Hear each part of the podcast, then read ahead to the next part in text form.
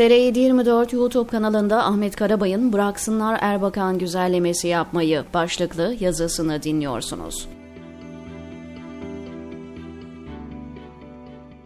28 Şubat diye siyaset tarihine geçen 1997 yılı MGK bildirisinin üzerinden 27 yıl geçti. Bildirinin muhatabı olan dönemin Başbakanı Necmettin Erbakan'ın ölümünün üzerinden de 13 yıl geçince neredeyse hemen herkes Erbakan güzellemesi yapma yarışına girdi. Oysa Erbakan bugünlerin ve o meşhum bildirinin hazırlanmasının en önemli mimarıydı. Erbakan'ı bir de bu yönüyle okuyun. Turgut Özal'ın 17 Nisan 1993'te beklenmedik ölümü üzerine Başbakan Süleyman Demirel, Cumhurbaşkanı olarak Çankaya Köşkü'ne çıktı. Demirel'in yerine Tansu Çiller, DYP Genel Başkanlığına geçti ve 25 Haziran 1993'te SHP ile koalisyon yaparak 50. Türkiye Cumhuriyeti hükümetini kurdu. Boğaziçi'li ve New Hampshire Üniversitesi'nde ekonomi yüksek lisanslı Tansu Çiller, ülkeyi kısa sürede ekonomik çıkmaza sürükleyince 5 Nisan kararlarını almak durumunda kaldı. Aslında Erbakan'ın önünü açan 1994'te alınan bu ekonomik kararlardı. Enflasyonu düşürmek ve TL'de istikrarı sağlamak gerekçesiyle alınan bu kararları kısaca hatırlatmak istiyorum. TL'de %38 oranında yapılan devalüasyon ve takip eden süreçte dolar 8 binden 42 bin TL'ye çıktı. Kamuya personel alımı durduruldu. Emeklilik için gereken prim gün sayısı 5000'den kadınlarda 7200, erkeklerde 9000 güne çıkarıldı. Memur ve işçi ödemeleri bütçe ödenekleriyle sınırlı tutuldu. Fazla mesailere ödenen ücret %50 düşürüldü. Vergilendirmede ek vergi adıyla peşin vergi alımına geçildi. Büyük bir işsizlik dalgası toplumu sardı. Sermaye sahipleri paralarını %400 faizle devlete borç verdi. Ekonomide alınan bu kararlar ülkedeki merkez sağ ve merkez sol partilere olan güveni sarstı. Halk 27 Mart 1994 yerel seçimlerinde başta İstanbul olmak üzere bazı merkezlerde Refah Partili adayların kazandıkları yerlerde farklı bir belediye hizmetiyle karşılaştı.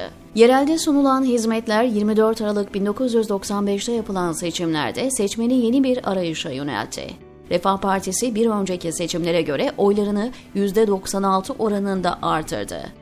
%21,4 oy alan RP 158, %19,2 oy alan DYP 135, %19,6 oy alan ANAP 132, %14,6 oy alan DSP 76, %10,7 oy alan CHP 49 milletvekili çıkardı.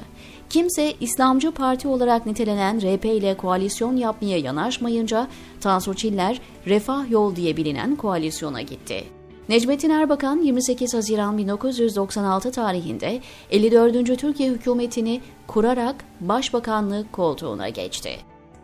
Erbakan hükümeti kurdu ama karşısında bürokrasi, ordu ve basın vardı. Bugünden bakıldığında çok masum gibi görünen kimi adımlar atmaya başladı. Erbakan'ın ilk yurt dışı ziyaretini İran'a yapması, Libya'da Muammer Kaddafi'nin Türkiye Cumhuriyeti'ne hakaretlerine sessiz kalması, acizmendiler ve bazı grupların ortaya çıkıp şeriat isteri sloganları atarak yürümesi, 3 Kasım 1996'da Susurluk kazasıyla ortaya çıkan mafya-polis-siyasetçi ilişkisini Erbakan'ın fasafiso diye nitelemesi, Susurluk olaylarını protesto için başlatılan sürekli aydınlık için bir dakika karanlık eylemlerine gulu gulu dansı demesi, Erbakan'ın başbakanlık konutunda tarikat liderlerine iftar vermesi, Refah Partili Kayseri Belediye Başkanı Şükrü Karatepe'nin Anıtkabir'e saygı duruşunu içi kan ağlayarak yaptığını söylemesi, Refah Partili Rize Milletvekili Şevki Yılmaz'ın 30 Ağustos kokteyline katılmama gerekçesini ben Deus değilim ki eşimle katılayım diye izah etmesi, Sincan Belediyesi'nin düzenlediği Kudüs gecesinde sergilenen tablo ve İran Büyükelçisi'nin konuşması gibi gelişmeler ordu, bürokrasi ve medyanın büyük tepkisiyle karşılaştı. Cumhurbaşkanı Süleyman Demirel'in 4 Şubat 1997'de Başbakan Erdoğan'a laik düzenin korunması konusunda uyarı mektubu göndermesi 28 Şubat'ın ilk ayak sesiydi. 28 Şubat'ta da Milli Güvenlik Kurulu'nun bilinen bildirisiyle Refah Yol hükümetinin dağılmasına giden süreç başlatıldı. Erbakan siyasete Milli Nizam Partisi adındaki siyasi yapılanmasını kurarak ilk yola çıktığı 1970 yılından bu yana bugün iddia edildiği gibi barışçıl bir dil kullanma yerine hep sivri ve ötekileştirici ifadeleri tercih etti. Bugün toplum Tayyip Erdoğan gibi çok daha aşırı bir versiyonunu gördüğü için Necmettin Erbakan masum ve barışçı gibi kaldı. Erbakan ve Erdoğan arasında birbirine karşı söylemedikleri ağır sözler kalmamıştı. Erdoğan, Erbakan'ı hırsızlıkla suçladığı günler vardı. Erbakan ise AK Parti'ye oy vermeyi İsrail'e oy vermek olarak niteledi. İkisinin birbirine ne dediğinden çok Erbakan'ın bu toplumu nasıl ayrıştırması ve kendi partisi dışındakilere oy verenler hakkında söyledikleri çok daha önemli. Bize oy vermeyenler patates dinindendir. Müslüman değildir diyemediği için. Biz oylarımızı değil, Müslümanları sayacağız. Gün gelecek, rektörler başörtülü kızlarımızın önünde selam duracak. Özellikle Erbakan'ın ölümünden sonra Erdoğan'a tu kaka demek için Erbakan'a sahip çıkmak muhalefetin bir yöntemi haline geldi.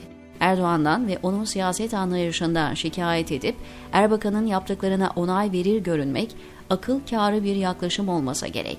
Çünkü böyle bir siyaset tarzı bu ülkedeki asıl sorunun görünmesini engelliyor. Türkiye'nin asıl sorunu dinin siyasetin bir aracı haline getirilmesi ve dinin toplum hayatına dayatılması.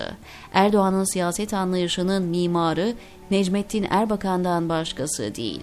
Bugün ülke siyasal İslam'ın cenderesinde boğuluyorsa Erdoğan'ın şahsından daha çok onun benimsediği siyaset anlayışı yüzünden. Bu ülkeyi yıllar boyu biz ve ötekiler diye ayrıştıran Erbakan'dı. Ülkenin bugüne gelmesinin temelinde dini siyasetin emrinde bir silah gibi kullanma anlayışı da milli görüş liderine ait.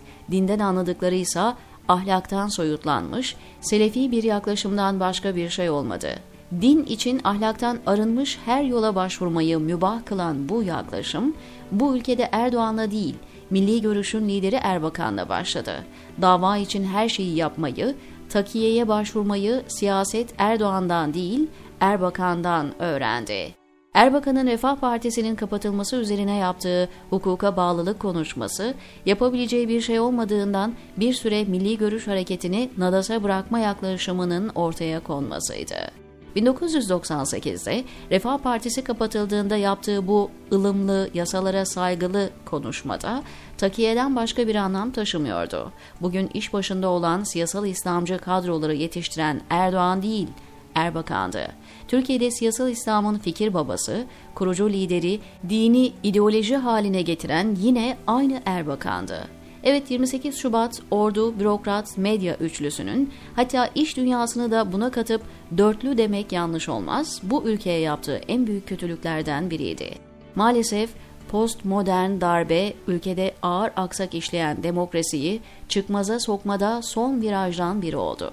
Türkiye'nin dünkü siyasileri aşan bir siyaset anlayışına ihtiyacı var. Ülke siyaseti Erbakan'ın, Türkeş'in, Demirel'in, Ecevit'in, Özal'ın gölgesine sığınacak bir siyasi anlayış yerine bunların ötesine geçebilmek zorunda.